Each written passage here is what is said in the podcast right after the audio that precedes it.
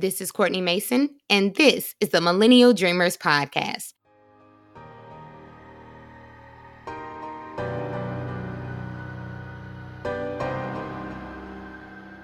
Whew, child. America has really outdone itself these past few weeks. I mean, foot all the way on the racism accelerator. These last few weeks have left folks, specifically black folk, devastated and exhausted. I mean, from Ahmaud Arbery, Breonna Taylor, George Floyd, all senselessly murdered for nothing at the hands of those who are in a position of power to protect and serve. But again and again, that doesn't happen. And to add insult to injury, we had that disgusting show of racism and white privilege from the lady in Central Park harassing a black man who was just minding his business and watching birds. We can't even watch birds. And so it's been tiring. Last week, I didn't have the energy to record, and this week, I'd hoped to have my interview with some community organizers scheduled and recorded, but it's currently still in the works. So that will be next week's episode. But this morning, I was in the shower, and generally, the best ideas come to me in the shower when, like, I'm just starting the day. My I just woke up. Either it's like I dream about ideas or I wake up and it's fresh and anew on my mind. So I was in the shower this morning and I was just randomly thinking and it came to me, you know what? I know exactly what I want to talk about in the interim. I know kind of what I want to discuss today. So last year sometime um, I purchased Tana, Ta-Nehisi Coates' novel, his first novel, the Water Dancer. And I got it after Oprah announced her book club was coming back and his book would be the very first one featured. Um, so I've read his works before. I've read Between the World and Me. Um, I intend to read We Were Eight Years in Power. But since this book was on, April, on Oprah's book club list, I decided to get it. And so I had it, but I put it away for a while. I, you know, I read a little bit here and there, but it was on my bookshelf. So I just randomly decided since we've been in quarantine, I felt like I have too much screen time. So I've tried to make a conscious effort to read more, put the phone down, close the laptop, and actually read. So a few weeks ago, I just pulled the book out and I was like, you know what, I'm going to finish this one. And I've been reading it little by little. And it just so happened that since I started back reading it, all of these things have started to unfold you know, around the world with what's been going on. Um, it's a fantastic book. I will say that. It's fictional, but it's inspired by real life stories of men and women who were escaping slavery. I won't spoil the book in case you want to read it or you intend to read it, but I'll just say the protagonist is a slave in Virginia. And he is essentially discovering that he has some sort of special power or ability that other people don't have. And this power is helping him on his quest um, to, in some way, gain freedom for the people that he loves. There are two points from this book that I want to highlight that are relevant to what's happening present day.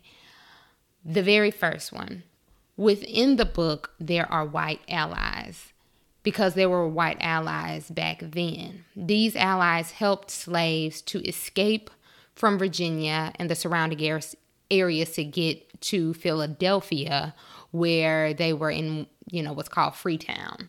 So black people were able to live freely in Freetown. Um, you know, they had businesses, they had families, all of that. And so there were allies who were helping them. Obviously, they were on the Underground Railroad. That is actually historically correct. That did happen. And at some point in the story, something happens to one of the allies. I won't say who, I won't say what, but something happened. And Harriet Tubman, who is discussed in this book, um, she was talking about that ally, the white ally, to the protagonist. And um, I'm going to read from the book. She she was essentially telling the protagonist, like, look, you know, something like this has happened before. It won't be the last time. And you really need to get that and understand it. And so he was saying, Well, I do. And she said, No, you don't. This is war. Soldiers fight in war for all kinds of reasons, but they die because they cannot bear to live in the world as it is. And that right there was the blank I knew. I won't say his name. He could not live, not here, not like this. He put all on the line his life, his connections, his sister's heart because he knew that that is exactly the line on which all the rest of us must live. And I was like, yes. Back then, it was so very clear to those people who could not accept slavery and knowing that other human beings were being enslaved and ripped from their families. Human beings sold off to different parts of the country, never to see their children, never to see their spouses, um, their parents ever again. And there were people who said, no, that is not right. And I want, I can't live in a world like this. Um, and so essentially, it's what we're saying about our white friends and our colleagues, white colleagues who are well intentioned and who are also feeling the weight of this moment. We don't need you just to not be racist we need you to be anti racist. So, what does that mean? It means you're taking it a step further. You're taking it a step further from just ridding yourself of racist beliefs and attitudes and behaviors, but you're actively fighting against those attitudes, beliefs, and behaviors yes, you should check on your black friends and minority friends, even though it might be draining for them to respond sometimes. Because I know, you know, if you get too many text messages, it just brings up all these feelings for a lot of people. Um, yes, you should be donating what you can to organizations that are fighting against racial injustice. You should speak out on your social channels and whatever platform you can to say, I'm in, standing in solidarity with um, the black community against racial injustice, against br- police brutality, against all of these things that should have been dismantled long time ago, but we're still living in and enduring them day by day. You should do that, yes. But you should also be standing side by side with black people, not sitting idly by, not thinking that those small acts are enough. You should be donating your time and whatever skill you have to whatever cause that you can. You should also be writing to your elected officials saying, We won't tolerate this, attending your town hall meetings, volunteering with organizations that are helping to face some of these issues. You should be reading books, educating yourself. You should be speaking up in the workplace when you know that your black colleagues are being um, treated in a way that is unfair you should do so when you know and they tell you and you have those conversations that you know i'm being paid this and they say well you know what i'm being paid this and you and if you if they say you know what can i can can i use you as someone to step up and say you know what's going on because I want to I want to go to the boss and I want to advocate for myself to get what I'm deserved to be paid for the work that I do. Don't hide behind your own self and you want to no I don't want to say something or be um, looked at in a way where you know I'm I'm I'm talking against my body. No, stand up and say you deserve to be paid for the work that you're done. You have to actively take a stance. That is what we mean when we say being an anti-racist. We need you to do more. So get on Google, type in anti-racist book lists, read them Educate yourself. Talk to your family members who we know, we understand are older, are likely kind of set in their ways. But if you, someone that they love, are, are going to them and saying, I want to talk to you about something. I want to talk to you about these things because, you know, I know that you've mentioned certain things before and i think that it's time that we we are on the right side of history that we're doing things and we're thinking in a better way you need to do that don't center yourself and your experiences in this moment saying well i feel this i do we need you to hear what we are feeling what we are saying because we are we are the ones marginalized and hurting and mourning and in fear.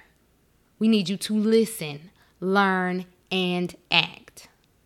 The second point from the book that's relevant to today is the need for black joy. I just posted something about this today. Someone, and I don't have my phone, posted and was like, you know what? We had that blackout Tuesday. How about we black up tomorrow where we are filling our timelines with black businesses, black love, black joy, black anything that celebrates our existence. And black joy is absolutely protest, and I'll tell you why. In the book, which again is based on real life experiences of families who were slaves, um, the protagonist is he has a realization that he does not want to live a free life if it doesn't include the ones that he loves. So he risks his life to ensure that the promises he made to certain people were kept. Because those people deserve to have their families mended and reunited as best as possible.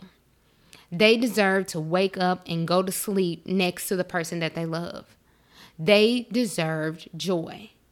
And to deride and rail against the will of whites in charge and um, the laws that were in place, he decided, I'm willing to break the laws. I'm willing to go against what all the things that you're telling me I should be doing because it's not just and it's not right. So he had to fight and sacrifice for joy, for black joy. Black joy was a protest because of the things that were happening. It was absolutely a protest throughout the book, and that remains the same today.